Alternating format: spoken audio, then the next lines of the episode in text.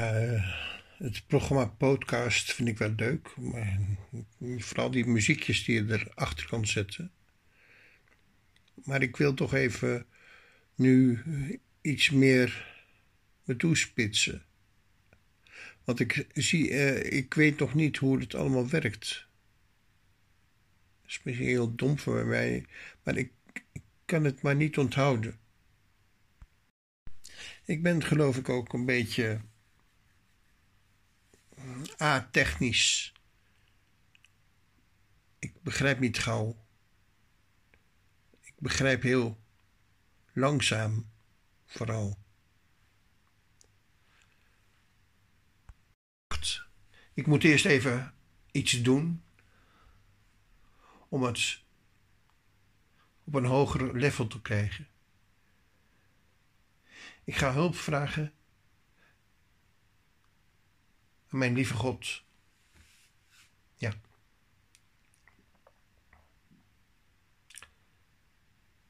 O lieve God, ik vraag u om mij antwoord te geven. U bent in mijn leven gekomen en daar ben ik u ons wijs dankbaar voor. U, u staat mij altijd bij met alles wat ik doe. U weet alles. Alles. Echt gewoon alles. Niets is u voor u toevallig. U heeft alles gemaakt. U heeft alle mensen gemaakt, alle dieren gemaakt, alle. Ja, ik kan het zo gek niet bedenken. En u? U bent hetzelfde als Jezus Christus. We hebben het wel over de Zoon en de Vader, maar de Vader en de Zoon zijn in Jezus Christus één.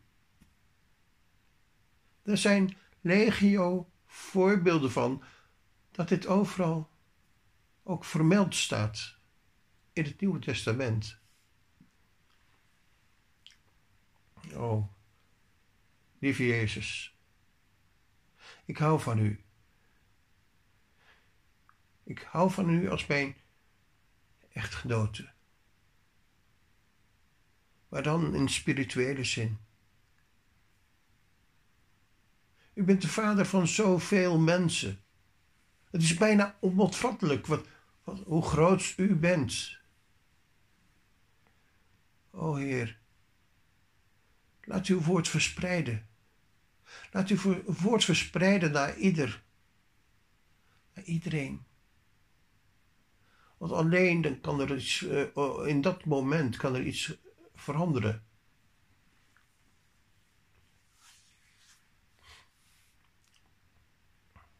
O Heer Jezus. Heer Jezus. Een prachtige naam. Jezus. Jezus Christus. Ik houd van die naam. Hij is lief. En zo gemakkelijk. O mensen.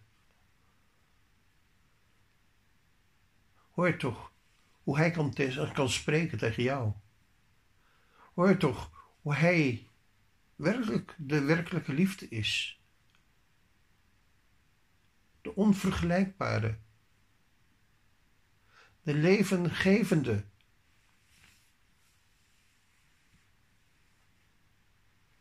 Mensen, dit is niet toevallig. Niets is toeval. Het is zo dat dat wij geregeerd worden door niet iets wat de mensen willen, maar door wat God eigenlijk met ons wil. Als we Hem niet meer langer veroordelen, als we God niet meer langer veroordelen, als we Christus niet meer langer veroordelen, stel je dan eens voor hoe, hoe heerlijk dat zal zijn.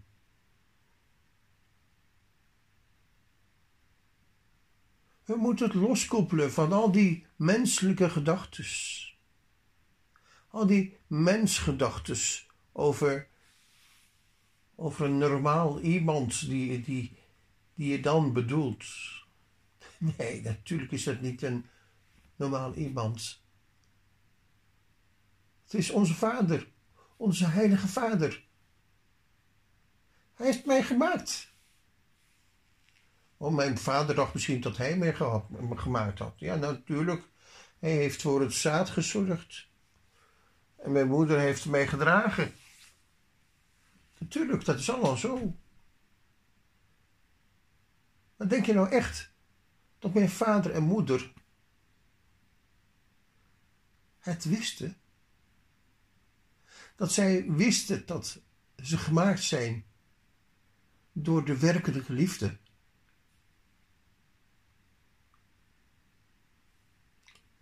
Ja, als je bedenkt dat eigenlijk, eigenlijk alle mensen het, het grote verdriet zijn tegengekomen. Ja, waarop zij gewoon moeten afgebroken worden. Mensen zijn zo gauw gaan geloven in dat alles liefde is. Maar alles is niet liefde.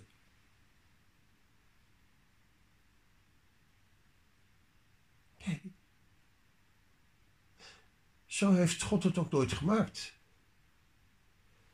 God heeft ons met een eigen vrije wil gemaakt. En die vrije wil, die is heel erg belangrijk.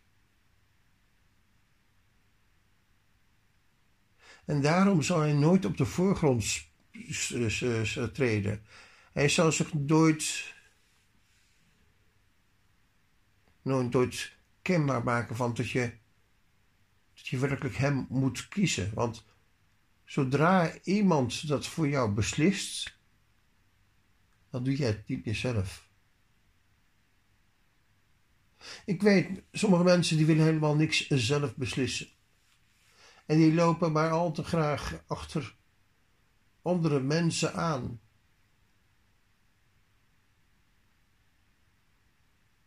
Maar als je zo achter iemand aanloopt, zonder het jezelf te beseffen dat je dat doet en dat je daarin gelooft,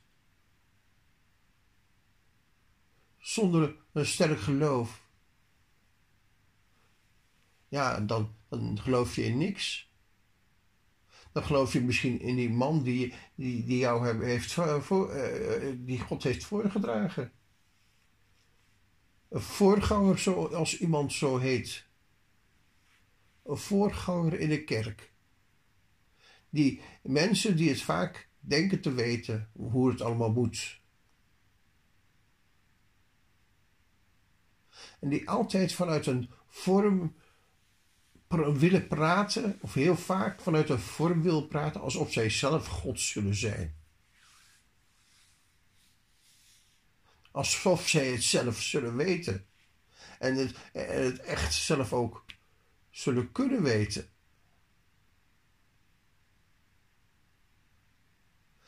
Als je, als je eens gaat bedenken wat, wat bijvoorbeeld een, uh, de barmhartige Samaritaan is. Wat, wat voor verhaal dat is.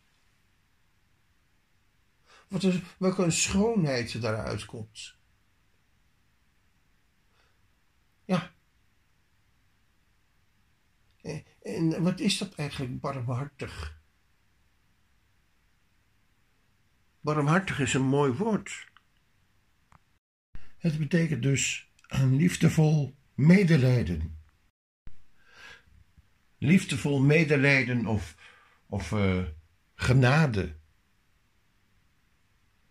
Gezindheid van medelijden hebben. Goed zijn in sociale zin. Goedentierigheid. Of mededogen, medelijden of ontferming. Nou, genoeg woorden van de betekenis, denk ik.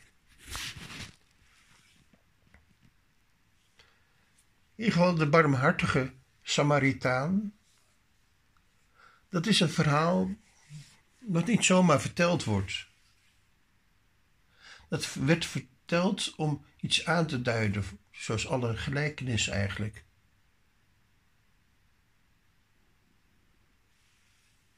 En dan moet je weten dat een Samaritaan, dat was een ander volk dan de meeste Joden of de christelijke. Dat was een eigen volkje, wat, wat hun eigen gang ging. Dat eigenlijk niet zo ja, bij de christenen hoorde of bij de, volgens andere mensen, ja, de hele andere mensen waren. Nee, de Samaritanen waren anders.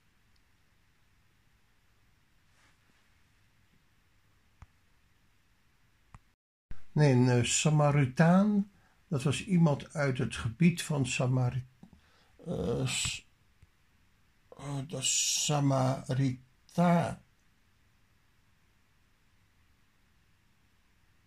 Ja, dat is een gebied. Dat is een gebied van. Uh, ja, waar, waar mensen wonen.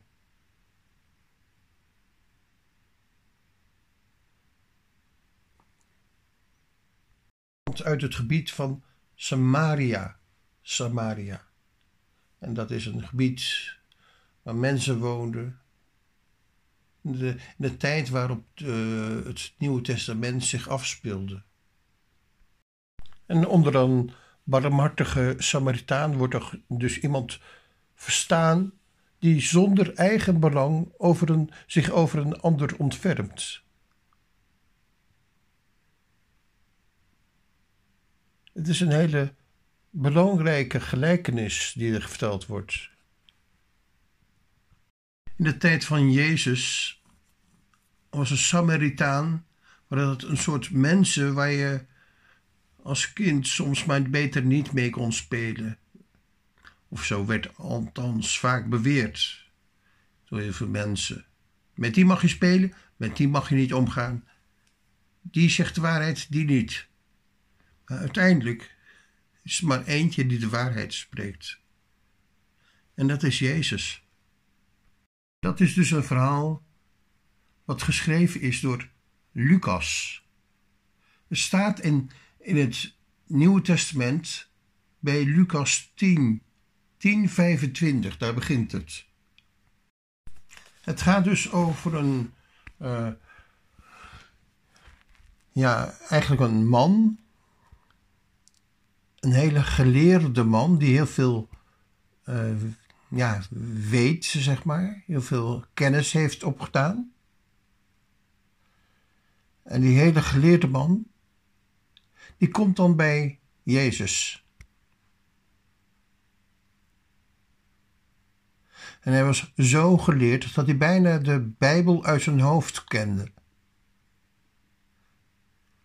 En hij wist zeker ja, heel erg zeker dat Jezus niet het goede geloof had. En, met die gedachte stapte hij naar Jezus toe. En toen vroeg hij aan Jezus: Wat moet je eigenlijk doen wanneer je later in de hemel wilt komen?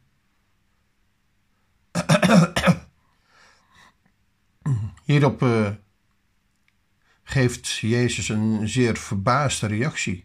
Oh, ik dacht dat je, dat je het zo goed wist, dat je zo goed was. Uh, wat, wat heeft Mozes ons dan geleerd? En de man antwoordde: Ja, Mozes heeft ons twee geboden gegeven. En hij dreunde ze allemaal op. Je moet God lief hebben en je moet je naaste lief hebben, want die is net zoals jij.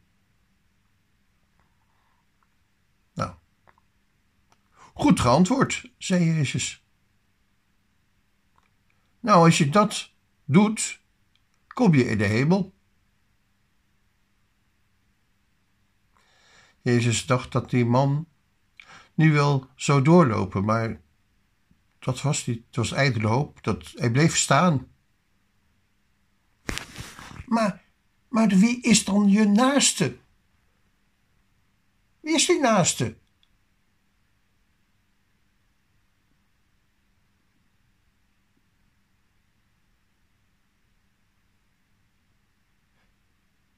Hij vraagt niet wie is God? Nee. Waarom stelt hij die vraag eigenlijk niet? Het is toch veel beter om te stellen: wie is God? Nee, hij vraagt: wie is je naaste?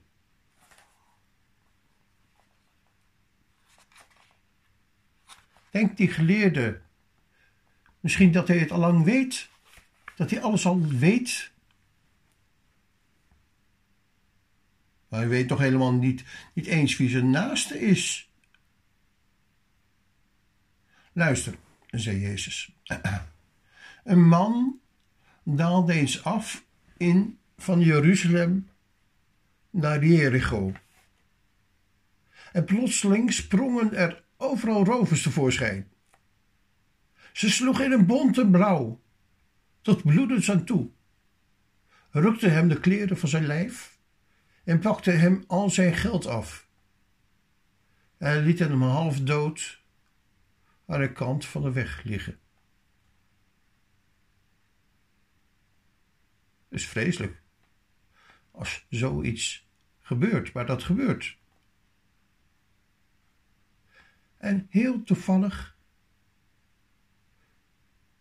daalde er even later een priester op af langs diezelfde weg. Kwam dat even goed uit? Ha, toen kon ik gelijk uh, de gewonde man uh, helpen natuurlijk. Hij had uh, hulp nodig natuurlijk.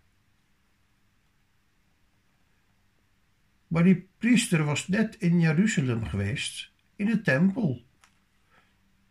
Hij had daar God gediend.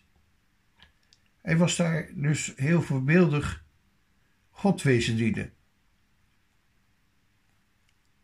Nou, nu kon hij dan mooi laten zien dat hij niet alleen maar het uh, eerste geloof goed kende, maar ook het tweede geloof. Hij kon nu ook laten zien hoe hij zijn naast kon dienen maar hij liep met een grote boog om de gewonde man heen. Hij keek een hele andere kant op en stapte hard door. Ja, ja natuurlijk, de rovers konden nog wel in de buurt zijn, dacht hij. Nou, toen, toen even later komt er nog iemand langs. En dat was een leviet. een leviet.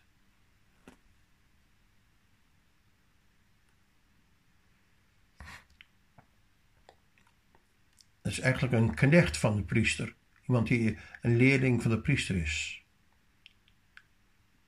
Zo'n uh, leviet moet in de tempel achter de priester aanlopen. En doen wat de priester zegt. Hij doet het net zo. En de priester zegt uh, gebeden en hij doet het even zo. De priester zwaait met het wierookvat en hij doet het ook.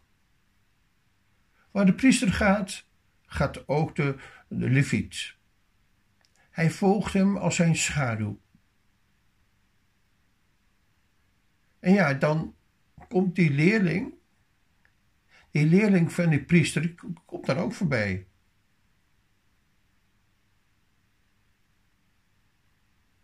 En wat zie je dan gebeuren?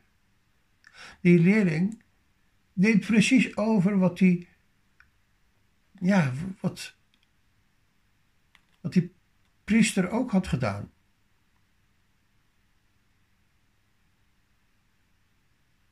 De priester liep met een boog om de uh, ja, bloedende band heen. Maar de leviet deed dat net zo. En Jezus keek naar de geleerde man. Als hij wilde zeggen: Zo zie je maar. Het kan heel goed zijn dat iemand de Bijbel uit zijn hoofd kent, maar zich niet op zijn naaste bekommert. Toen kwam er dus een Samaritaan voorbij. En die kwam uit, niet uit uh, Jeruzalem. Die was daar gewoon op reis. Een Samaritaan heeft in Jeruzalem niets te zoeken. Zijn tempel staat ergens anders. En hij heeft ook een hele andere Bijbel. Wat deed die Samaritaan? Hij zag de gewonde man liggen en kreeg medelijden. Hij knielde bij hem neer, verbond zijn wonden en gaf hem te drinken. En zette hem toen op een ezel. Houdt nog even vol hoor, zei hij. Ik, ik breng je naar de herberg. En de volgende dag zei hij tegen de herbergier: Hier, heb je wat geld? Zorg goed voor hem. Net zolang dat hij helemaal beter is.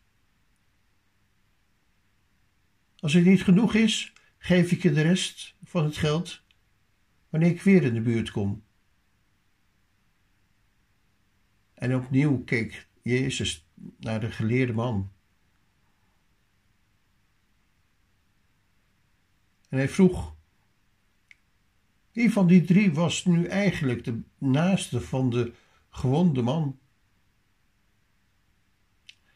En de barmhartige. Ja, dus de barmhartige, zei de man zachtjes. En weet je waarom hij dat zo zachtjes zei? Omdat hij het had begrepen. En hij was zo dapper en eerlijk op te biechten. Wie is mijn naaste? had hij gevraagd. En nu weet hij het antwoord. Dat is iemand die zo barmhartig is als God. In de Bijbel is eigenlijk alleen God de barmhartige. Maar een mens kan het ook zijn. In God staan. Wie God is, had de geleerde man niet gevraagd. Hij dacht dat hij dat wel wist. Maar op de vraag die hij niet stelde, kreeg hij een antwoord. God is barmhartig en een mens kan het worden.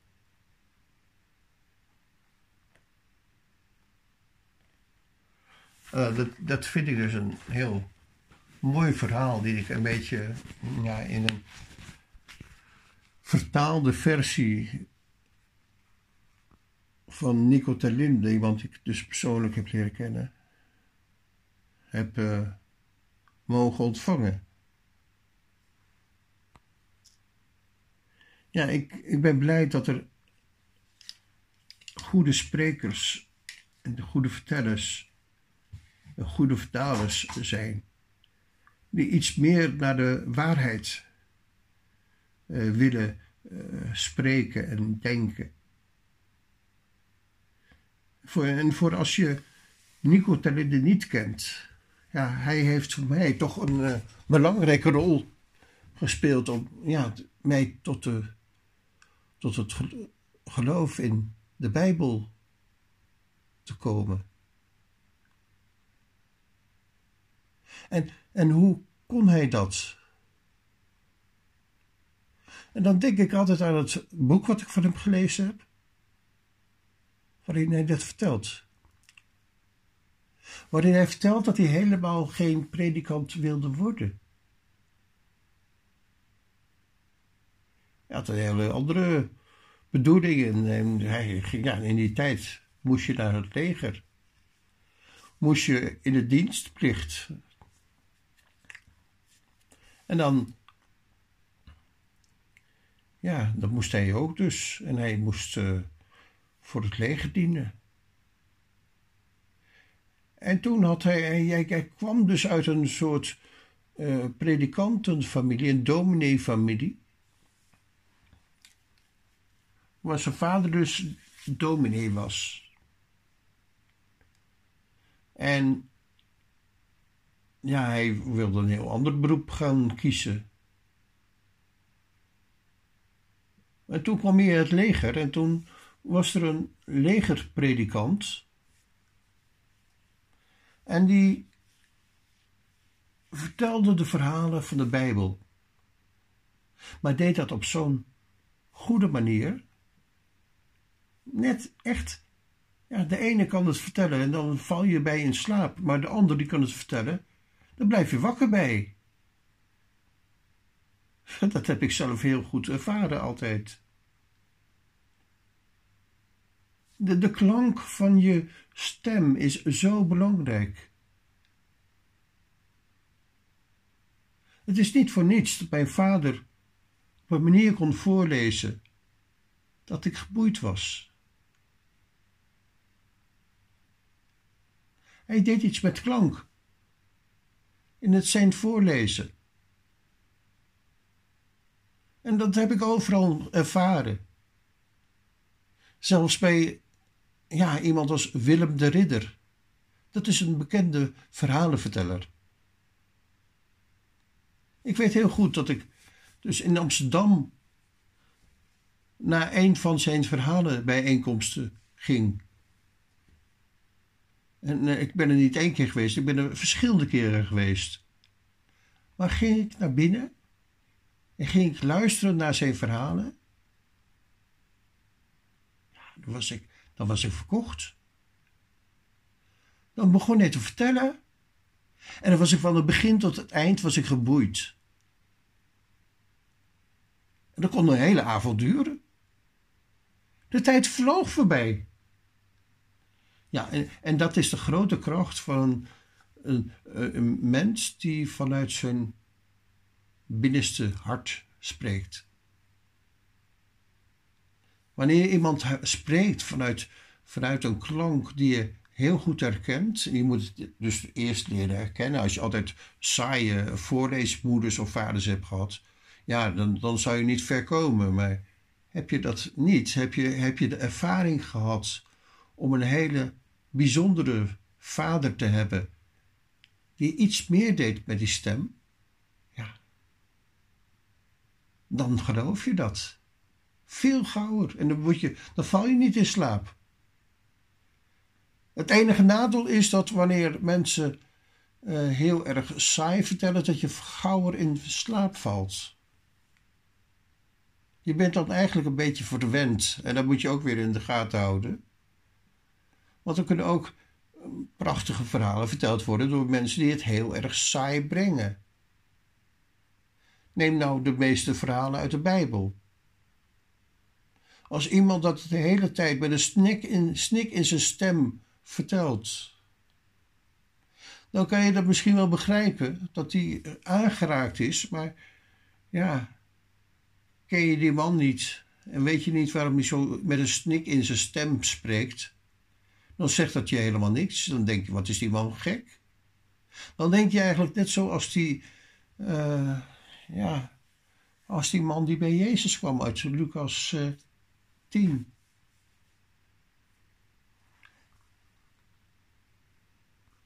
uh, dan kan je denken aan Lucas uh, 10. dan begint dat in 25, 10, regel 25. Dan lees je dus over die wetsleraar, die hele de geleerde wetsleraar, die, die zogenaamd alles weet. Maar dus eigenlijk helemaal niks weet. de zogenaamde intelligente wetsdienaar, wetsleraar, en die dan aan Jezus vraagt: maar niet zonder een reden vraagt. Nee, echt van die slimme leraren of slimme mensen die, die vragen niks zonder een reden. Die doen alles met voorbedachte raden. Ja, dus uh, eigenlijk kan je die mensen nooit vertrouwen. En ja, als zo iemand dan naar je vraagt: wat moet je doen om het eeuwige leven te krijgen? Nou, natuurlijk, dan moet hij in de Bijbel kijken. Krijgt hij als antwoord. Ja, en dan kan hij het heel goed opdreunen van, ja, houd van, van God met heel je hart en met heel je ziel, met je hele verstand en met al je kracht. En houd evenveel van je medewens als van jezelf.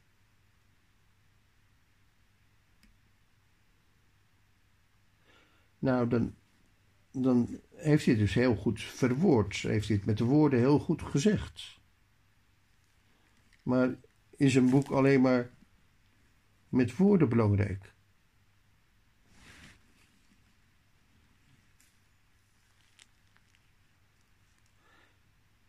Nee, natuurlijk niet. Nou, die uh, die, een leraar die wil het natuurlijk alleen maar laten zien, omdat hij de wet beter dacht te kennen dan Jezus. Daarom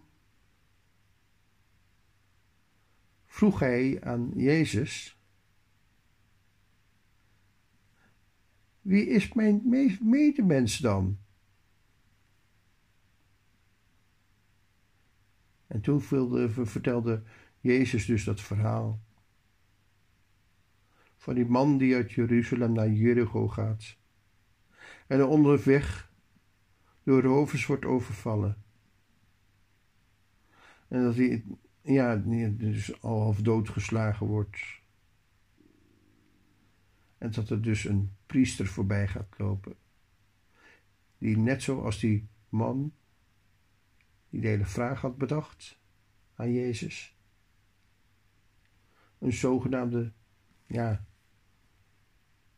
uh, wetsdienaar was, zeg maar. Iemand die de wet verkondigt, net zoals Rutte of iemand anders. Maakt niet uit. Een wet, wetsdienaar. Ja, als je dit echt gaat begrijpen, dit verhaal, waar het dus eigenlijk over gaat. Dat mensen die zich opstellen als, als, eh, als wetsleraren, als staatshoofden of weet ik wat, dat maakt niet uit. Het gaat nooit alleen maar om die woorden. Je kunt een hele goede Neerlandicus zijn. Een hele knappe professor zijn. En er toch helemaal niets van begrijpen. En als je dit principe doorkrijgt, dat het geen enkele garantie biedt dat je veel geleerd hebt in je studie, of dat het helemaal niets in de praktijk hoeft te zeggen. Ja, dan, dan, dan kom je achter wie God werkelijk is. En dan weet je dus ook dat al die uh, priesters die het zogenaamd allemaal het beste weten, dat er helemaal niks van deugt. En daarom moeten mensen die namens God spreken, net zoals Jezus zelf, in nederigheid spreken. Nederig tot elkaar. Niet alleen zogenaamd nederig tot de God, maar juist warmhartig tegenover elkaar. Niet elkaar veroordelen, niet oordelen, niet gaan oordelen, maar doen wat nodig is. Ja, dat is het verhaal van de barmhartige Samaritaan. Maar je kunt het dus ook breder trekken dan maar een Bijbelverhaaltje. Nee. Het is een praktijkgegeven. Het is net zoals heel veel andere Bijbelverhalen. Het gaat veel en veel dieper. Het gaat erom dat je erachter komt wat, wat de werkelijke wet is. Dat de werkelijke wet nooit alleen maar ja, woorden zijn. En dat je erachter komt dat je ook zo gaat handelen, dat je ook die beweging maakt.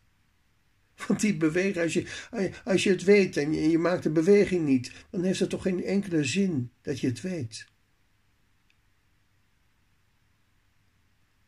Ja, ik moet dan gelijk denken aan professor Albert Meribium. Die had dat in 1972 al uitgevonden. Ja, met woorden zeggen mensen maar 7%. Met klank 38% was zijn conclusie.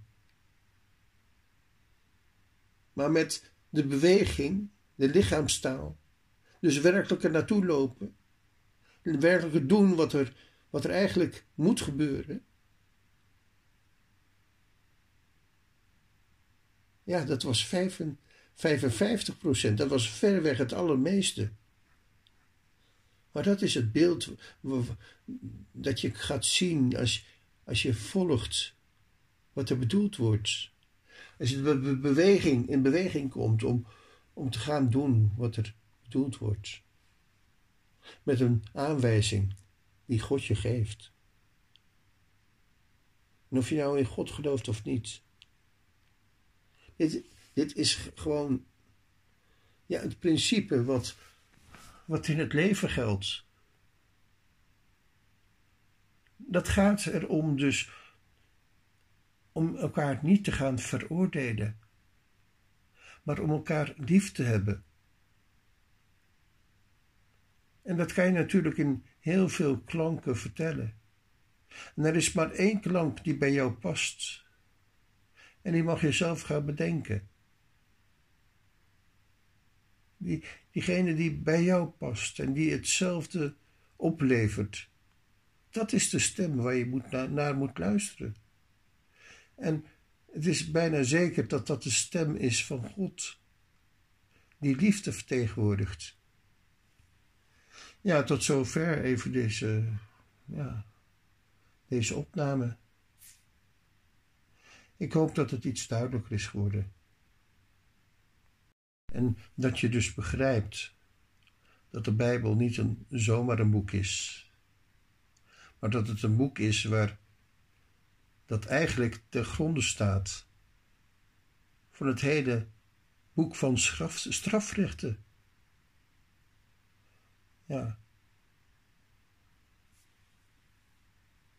Maar nogmaals, het is hoe de mensen ermee omgaan. De voorbeelden zijn er allemaal. Meer dan dat. Maar het gaat erom wat jij met iets doet in je hart. Het gaat om jouw liefde, die jij als liefde ervaart, die jij als liefde aan kunt nemen. Daar gaat het om. O Heer, ik bid voor, bid voor jou dat jij het ooit mag begrijpen. Dat jij mag begrijpen dat, dat het zo werkt in het leven. Dat niet ik en niet jij, maar dat Hij boven je staat. Amen.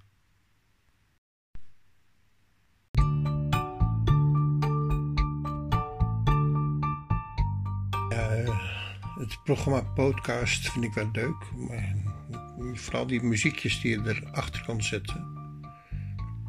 Maar ik wil toch even nu iets meer me toespitsen. Want ik zie, uh, ik weet nog niet hoe het allemaal werkt. Dat is misschien heel dom voor mij, maar ik kan het maar niet onthouden. Ik ben geloof ik ook een beetje a-technisch. Ik begrijp niet gauw. Begrijp heel langzaam vooral.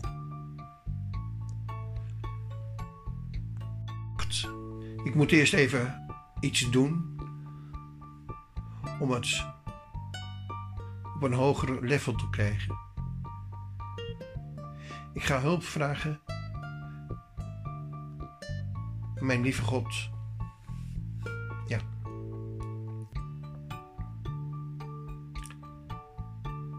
O lieve God.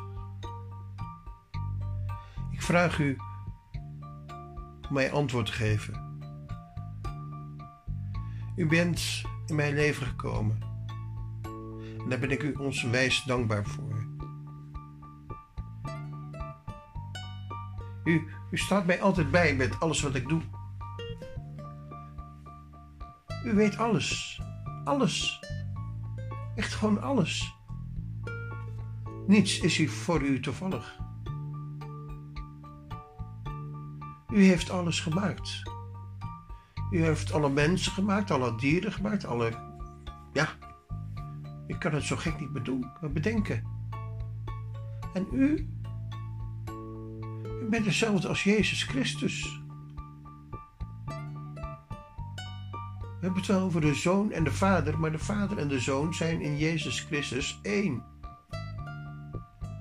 Er zijn legio voorbeelden van dat dit overal ook vermeld staat in het Nieuwe Testament. Oh, lieve Jezus, ik hou van u. Ik hou van u als mijn echtgenote. Maar dan in spirituele zin. Bent de vader van zoveel mensen. Het is bijna onopvattelijk wat, hoe groot u bent. O Heer, laat uw woord verspreiden. Laat uw woord verspreiden naar ieder, naar iedereen. Want alleen dan kan er iets, uh, in dat moment kan er iets veranderen.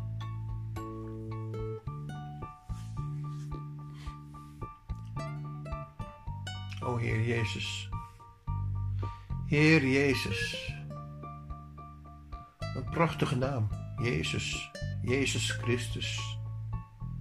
Ik houd van die naam. Hij is lief. En zo gemakkelijk.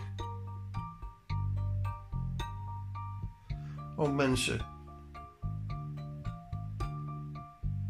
hoor toch hoe hij kan, kan spreken tegen jou. Hoor toch hoe hij werkelijk de werkelijke liefde is. De onvergelijkbare. De levengevende.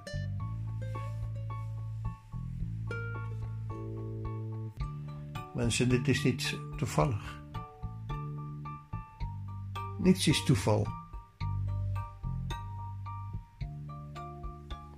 Het is zo dat, dat wij geregeerd worden door niets, iets wat de mensen willen, maar door wat God eigenlijk met ons wil. Als we Hem niet meer langer veroordelen, als we God niet meer langer veroordelen, als we Christus niet meer langer veroordelen. Stel je dan eens voor hoe heerlijk dat zal zijn.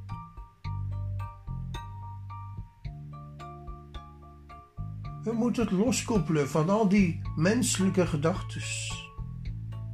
Al die mensgedachten over, over een normaal iemand die, die, die je dan bedoelt. Nee, natuurlijk is dat niet een normaal iemand. Het is onze Vader, onze Heilige Vader. Hij heeft mij gemaakt. Oh, mijn vader dacht misschien dat hij mij gemaakt had. Ja, natuurlijk. Hij heeft voor het zaad gezorgd. En mijn moeder heeft mij gedragen. natuurlijk, dat is allemaal zo. Maar denk je nou echt dat mijn vader en moeder het wisten? Dat zij wisten dat ze gemaakt zijn door de werkelijke liefde.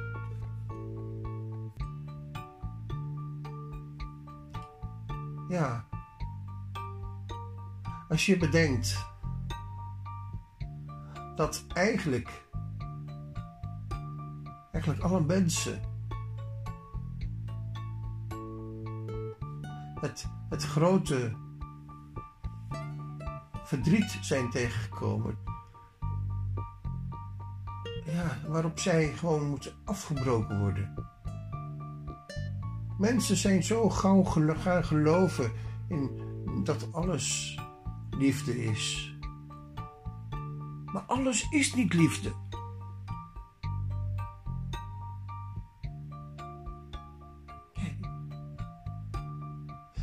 Zo heeft God het ook nooit gemaakt.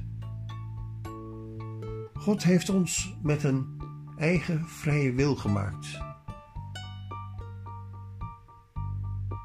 En die vrije wil, die is heel erg belangrijk.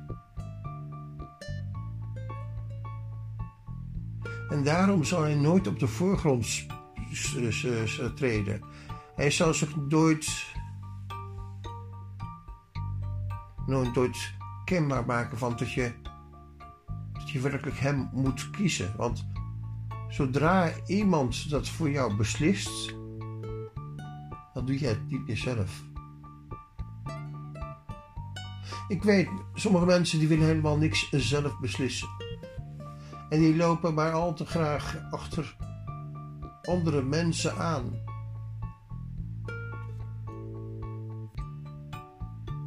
Maar als je zo achter iemand aanloopt, zonder het jezelf te beseffen dat je dat doet en dat je daarin gelooft, zonder een sterk geloof, ja, dan, dan geloof je in niks dan geloof je misschien in die man die, die, die jou heeft voor, uh, die God heeft voorgedragen. Een voorganger, zoals iemand zo heet. Een voorganger in de kerk. Die mensen die het vaak denken te weten hoe het allemaal moet.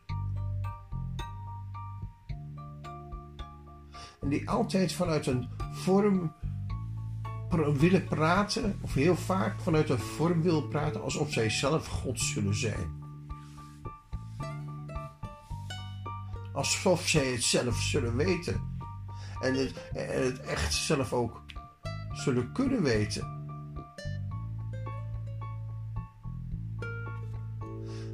Als je, als je eens gaat bedenken wat, wat bijvoorbeeld uh, de barmhartige Samaritaan is wat, wat voor verhaal dat is. Wat is, welke een schoonheid daaruit komt. Ja. En wat is dat eigenlijk barmhartig? Barmhartig is een mooi woord. Het betekent dus een liefdevol medelijden liefdevol medelijden of, of uh, genade. Gezindheid van medelijden hebben. Goed zijn in sociale zin. Goedentierigheid. Of mededogen. Medelijden of ontferming. Nou, genoeg woorden van de betekenis, denk ik. In ieder geval de barmhartige Samaritaan. Dat is een verhaal dat niet zomaar verteld wordt. Dat werd verteld om iets aan te duiden, zoals alle gelijkenis eigenlijk.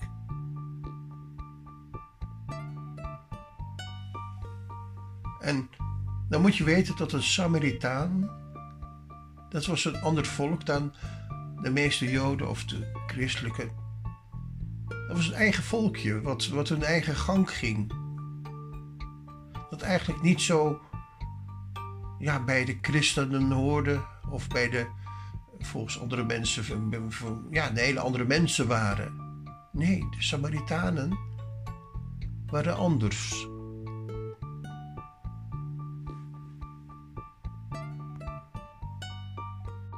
Nee, een uh, Samaritaan, dat was iemand uit het gebied van Samari uh,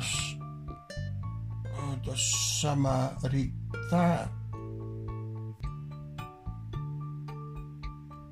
Ja, dat is een gebied.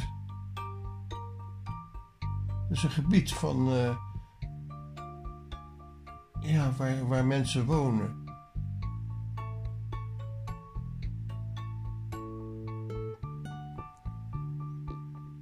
Uit het gebied van Samaria. Samaria. En dat is een gebied waar mensen woonden. De, de tijd waarop de, het Nieuwe Testament zich afspeelde. En onder een barmhartige Samaritaan wordt er dus iemand verstaan die zonder eigen belang zich over een ander ontfermt.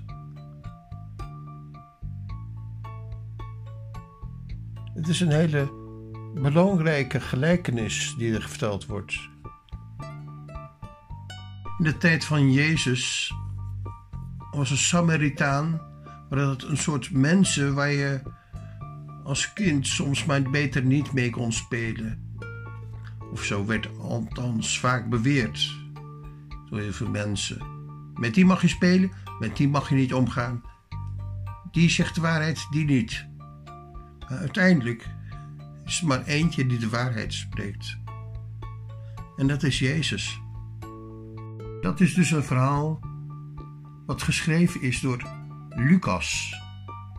Er staat in, in het Nieuwe Testament bij Lucas 10, 10:25, daar begint het. Het gaat dus over een, uh, ja, eigenlijk een man een hele geleerde man die heel veel uh, ja, weet, zeg maar. Heel veel kennis heeft opgedaan. En die hele geleerde man, die komt dan bij Jezus. En hij was zo geleerd dat hij bijna de Bijbel uit zijn hoofd kende. En hij wist zeker ja, heel erg zeker dat Jezus niet het goede geloof had. En, met die gedachte stapte hij naar Jezus toe. En toen vroeg hij aan Jezus: Wat moet je eigenlijk doen wanneer je later in de hemel wilt komen?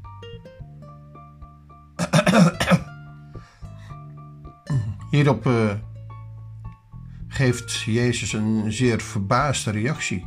Oh, ik dacht dat je, dat je het zo goed wist. Dat je zo goed was.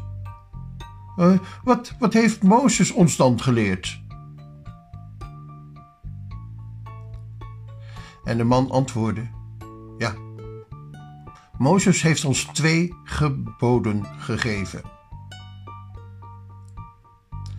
En hij dreunde ze allemaal op. Je moet God lief hebben en je moet je naaste lief hebben, want die is net zoals jij. Nou, goed geantwoord, zei Jezus. Nou, als je dat doet, kom je in de hemel. Jezus dacht dat die man nu wel zou doorlopen, maar dat was niet. Het was ijdele hoop. Dat, hij bleef staan. Maar, maar wie is dan je naaste? Wie is die naaste?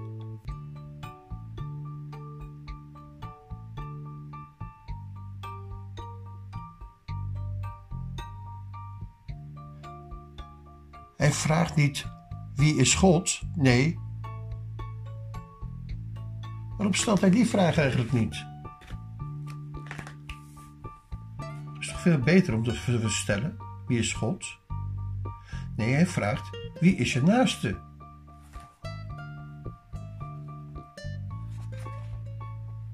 Denkt die geleerde misschien dat hij het al lang weet? Dat hij alles al weet? Hij weet toch helemaal niet, niet eens wie zijn naaste is? Luister, zei Jezus. Een man daalde eens af in van Jeruzalem naar Jericho. En plotseling sprongen er overal rovers tevoorschijn.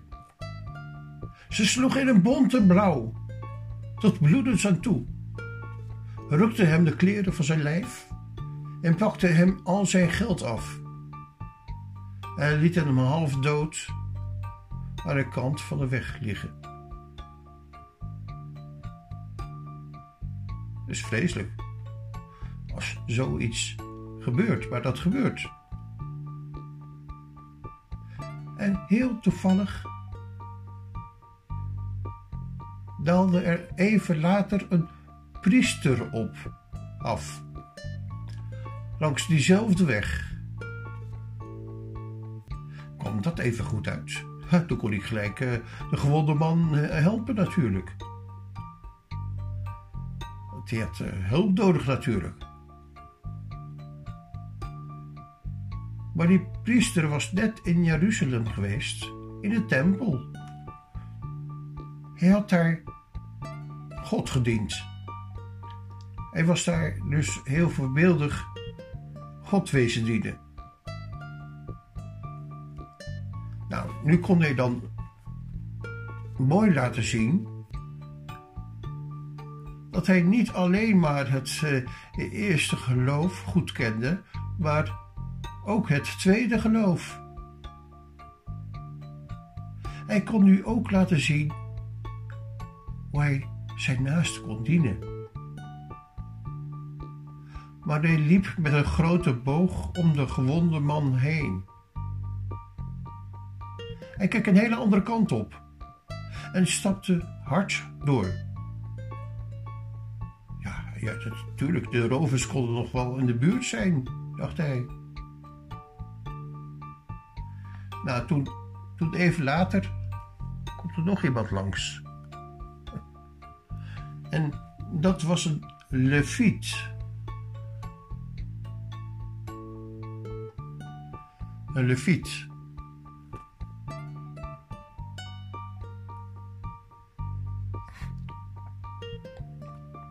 Dat is eigenlijk een knecht van de priester. Iemand die een leerling van de priester is. Zo'n uh, leviet moet in de tempel achter de priester aanlopen en doen wat de priester zegt. Hij doet het net zo. En de priester zegt de gebeden en hij doet het evenzo. De priester zwaait met het wierookvat en hij doet het ook. Waar de priester gaat, gaat ook de, de leviet. Hij volgt hem als zijn schaduw. En ja, dan komt die leerling, die leerling van die priester, komt daar ook voorbij.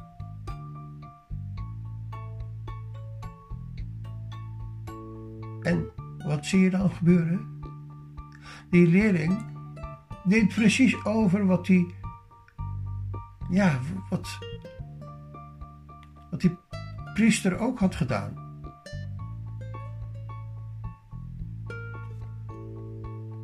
De priester liep met een boog om de uh, uh, ja, bloedende band heen, maar de leviet deed dat net zo.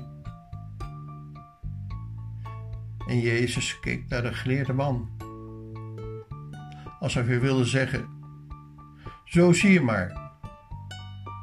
Het kan heel goed zijn dat iemand de Bijbel uit zijn hoofd kent, maar zich niet op zijn naaste bekommert. Kwam er dus een Samaritaan voorbij. En die kwam uit, niet uit uh, Jeruzalem. Die was daar gewoon op reis. Een Samaritaan heeft in Jeruzalem niets te zoeken. Zijn tempel staat ergens anders. En hij heeft ook een hele andere Bijbel. Wat deed die Samaritaan? Hij zag de gewonde man liggen en kreeg medelijden. Hij knielde bij hem neer, verbond zijn wonden en gaf hem te drinken. En zette hem toen op een ezel. Houdt nog even vol hoor, zei hij. Ik, ik breng je naar de herberg. En de volgende dag zei hij tegen de herbergier: Hier, heb je wat geld? Zorg goed voor hem. Net zolang dat hij helemaal beter is. Als het niet genoeg is, geef ik je de rest van het geld wanneer ik weer in de buurt kom. En opnieuw keek Jezus naar de geleerde man. En hij vroeg: Wie van die drie was nu eigenlijk de naaste van de gewonde man? De barmhartige. En dus de barmhartige, zei de man zachtjes. En weet je waarom hij dat zo zachtjes zei? Omdat hij het had begrepen. En hij was zo dapper en eerlijk op te biechten. Wie is mijn naaste? had hij gevraagd. En nu weet hij het antwoord. Dat is iemand die zo barmhartig is als God. In de Bijbel is eigenlijk alleen God de barmhartige. Maar een mens kan het ook zijn. In God staan. Wie God is, had de geleerde man niet gevraagd. Hij dacht dat hij dat wel wist. Maar op de vraag die hij niet stelde, kreeg hij een antwoord. God is barmhartig en een mens kan het worden.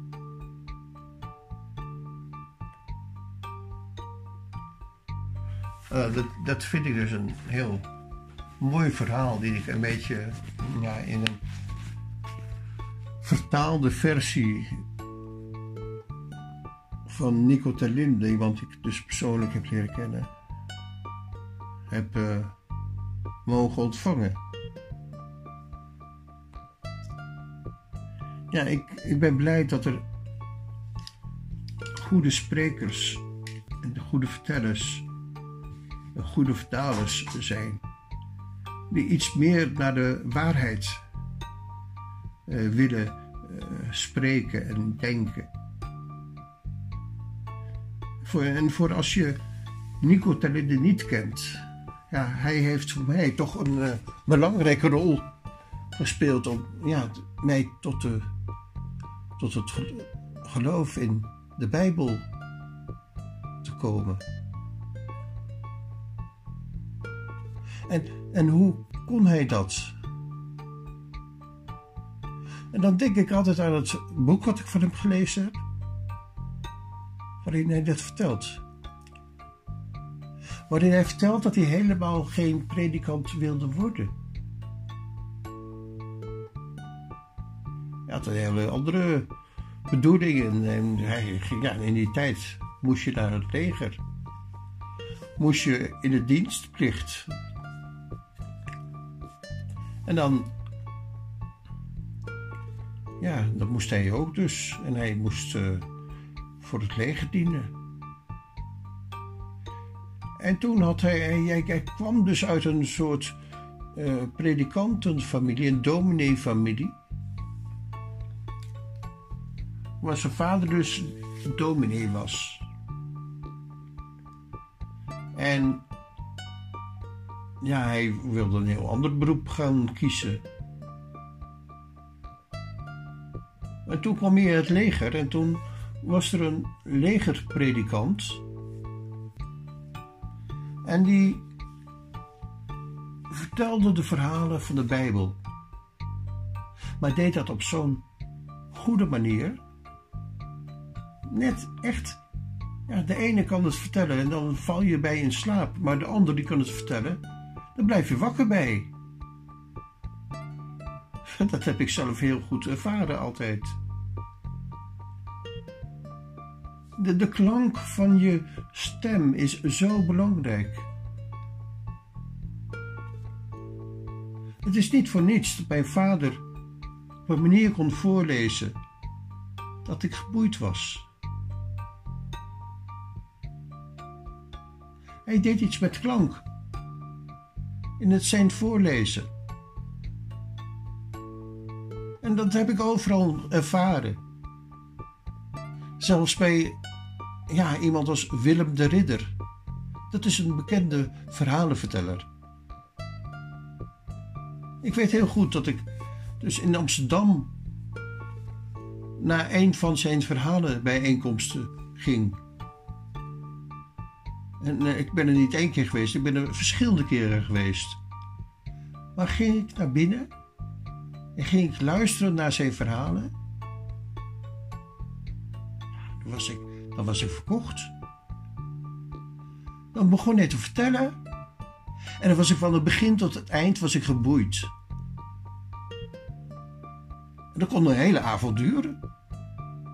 De tijd vloog voorbij. Ja, en, en dat is de grote kracht van een, een, een mens die vanuit zijn binnenste hart spreekt. Wanneer iemand spreekt vanuit, vanuit een klank die je heel goed herkent, je moet het dus eerst leren herkennen. Als je altijd saaie voorleesmoeders of vaders hebt gehad, ja, dan, dan zou je niet ver komen. Maar heb je dat niet? Heb je, heb je de ervaring gehad om een hele bijzondere vader te hebben die iets meer deed met die stem? Ja, dan geloof je dat. Veel gauwer. En dan, je, dan val je niet in slaap. Het enige nadeel is dat wanneer mensen uh, heel erg saai vertellen, dat je gauwer in slaap valt. Je bent dan eigenlijk een beetje verwend en dat moet je ook weer in de gaten houden. Want er kunnen ook prachtige verhalen verteld worden door mensen die het heel erg saai brengen. Neem nou de meeste verhalen uit de Bijbel. Als iemand dat de hele tijd met een snik in, snik in zijn stem vertelt,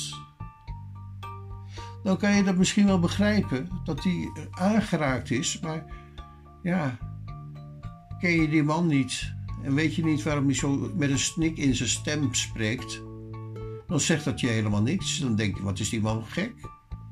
Dan denk je eigenlijk net zoals die, uh, ja, als die man die bij Jezus kwam uit Lucas uh, 10.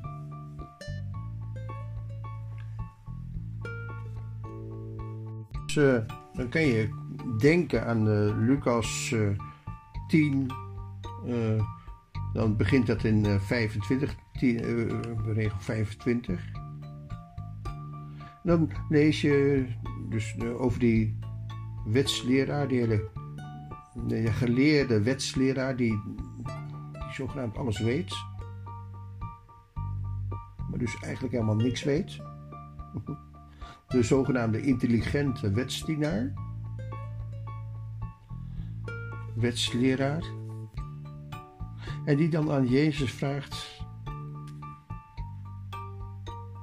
maar niet zonder een reden vraagt. Nee, echt van die slimme leraren of slimme mensen die, die vragen niks zonder een reden.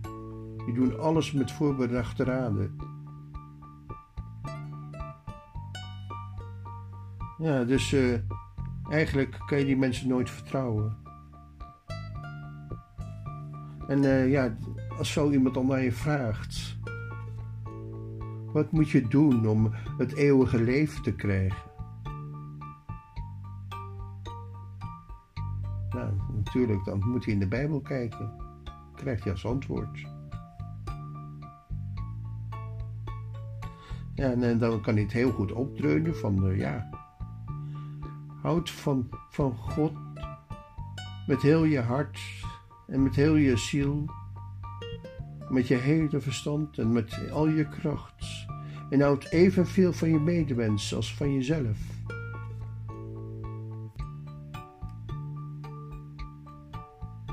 Nou, dan, dan heeft hij dus heel goed verwoord. Heeft hij het met de woorden heel goed gezegd. Maar is een boek alleen maar met woorden belangrijk?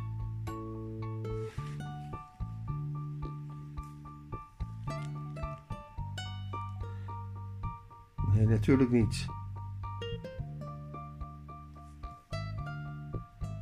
Nou, die uh, wets, die, een leraar die wil het natuurlijk alleen maar laten zien, omdat hij de wet beter dacht te kennen dan Jezus. Daarom vroeg hij aan Jezus: Wie is mijn medemens dan? En toen vertelde Jezus dus dat verhaal van die man die uit Jeruzalem naar Jericho gaat en er onderweg door rovers wordt overvallen.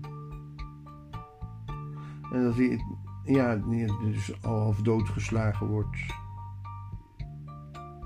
En dat er dus een priester voorbij gaat lopen. Die net zoals die man die de hele vraag had bedacht aan Jezus. Een zogenaamde, ja, uh, wetsdienaar was, zeg maar. Iemand die de wet verkondigt, net zoals Rutte of iemand anders. Maakt niet uit. Een wet, wetsdienaar. Ja, als je dit echt gaat begrijpen, dit verhaal, waar het dus eigenlijk over gaat. Dat mensen die zich opstellen als, als, eh, als wetsleraren, als staatshoofden of weet ik wat, dat maakt niet uit. Het gaat nooit alleen maar om die woorden. Je kunt een hele goede Neerlandicus zijn. Je kunt een hele knappe professor zijn. En er toch helemaal niets van begrijpen. En als je dit principe doorkrijgt, dat het geen enkele garantie biedt dat je veel geleerd hebt in je studie, of dat het helemaal niets in de praktijk hoeft te zeggen, ja, dan, dan, dan kom je achter wie God werkelijk is. En dan weet je dus ook dat al die uh, priesters die het zogenaamd allemaal het beste weten, dat er helemaal niks van deugt. En daarom moeten mensen die namens God spreken, net zoals Jezus zelf, in nederigheid spreken. Nederig tot elkaar. Niet alleen zogenaamd nederig tot de God, maar juist warmhartig tegenover elkaar. Niet elkaar veroordelen, niet oordelen, niet gaan oordelen, maar doen wat nodig is. Ja, dat is het verhaal van de barmhartige Samaritaan. Maar je kunt het dus ook breder trekken dan maar een Bijbelverhaaltje. Nee. Het is een praktijk gegeven. Het is net zoals heel veel andere Bijbelverhalen.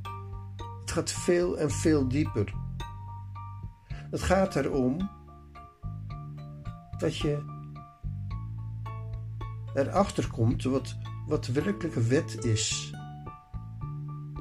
Dat de werkelijke wet nooit alleen maar ja, woorden zijn. En dat je erachter komt dat je ook zo gaat handelen, dat je ook die beweging maakt. Want die beweging, als je, als je het weet en je, je maakt de beweging niet, dan heeft het toch geen enkele zin dat je het weet. Ja, ik moet dan gelijk denken aan professor Albert Meribium. Die had dat in 1972 al uitgevonden. Ja, met woorden zeggen mensen maar 7%. Met klank 38% was zijn conclusie. Maar met de beweging, de lichaamstaal, dus werkelijk er naartoe lopen, werkelijk doen wat er, wat er eigenlijk moet gebeuren. Ja, dat was 55 procent. Dat was verreweg het allermeeste. Maar dat is het beeld dat je gaat zien als, als je volgt wat er bedoeld wordt. Als je beweging, in beweging komt om, om te gaan doen wat er bedoeld wordt. Met een aanwijzing die God je geeft. En of je nou in God gelooft of niet. Dit, dit is gewoon ja, het principe wat, wat in het leven geldt. Dat gaat erom dus om elkaar niet te gaan veroordelen, maar om elkaar lief te hebben. En dat kan je natuurlijk in heel veel klanken vertellen. En er is maar één klank die bij jou past. En die mag je zelf gaan bedenken. Die, diegene die bij jou past en die hetzelfde oplevert. Dat is de stem waar je moet naar moet luisteren. En het is bijna zeker dat dat de stem is van God, die liefde vertegenwoordigt. Ja, tot zover even deze, ja, deze opname. Ik hoop dat het iets duidelijker is geworden. En dat je dus begrijpt dat de Bijbel niet een, zomaar een boek is, maar dat het een boek is waar dat eigenlijk ten gronde staat van het hele boek van straf, strafrechten. Ja. Maar nogmaals, het is hoe de mensen ermee omgaan. De voorbeelden zijn er allemaal. Meer dan dat. Maar het gaat erom wat jij met iets doet in je hart. Het gaat om jouw liefde, die jij als liefde ervaart, die jij als liefde aan kunt nemen. Daar gaat het om. O Heer, ik bid voor, bid voor jou dat jij het ooit mag begrijpen. Dat jij mag begrijpen dat, dat het zo werkt in het leven. Dat niet ik en niet jij maar dat Hij boven je staat. Amen.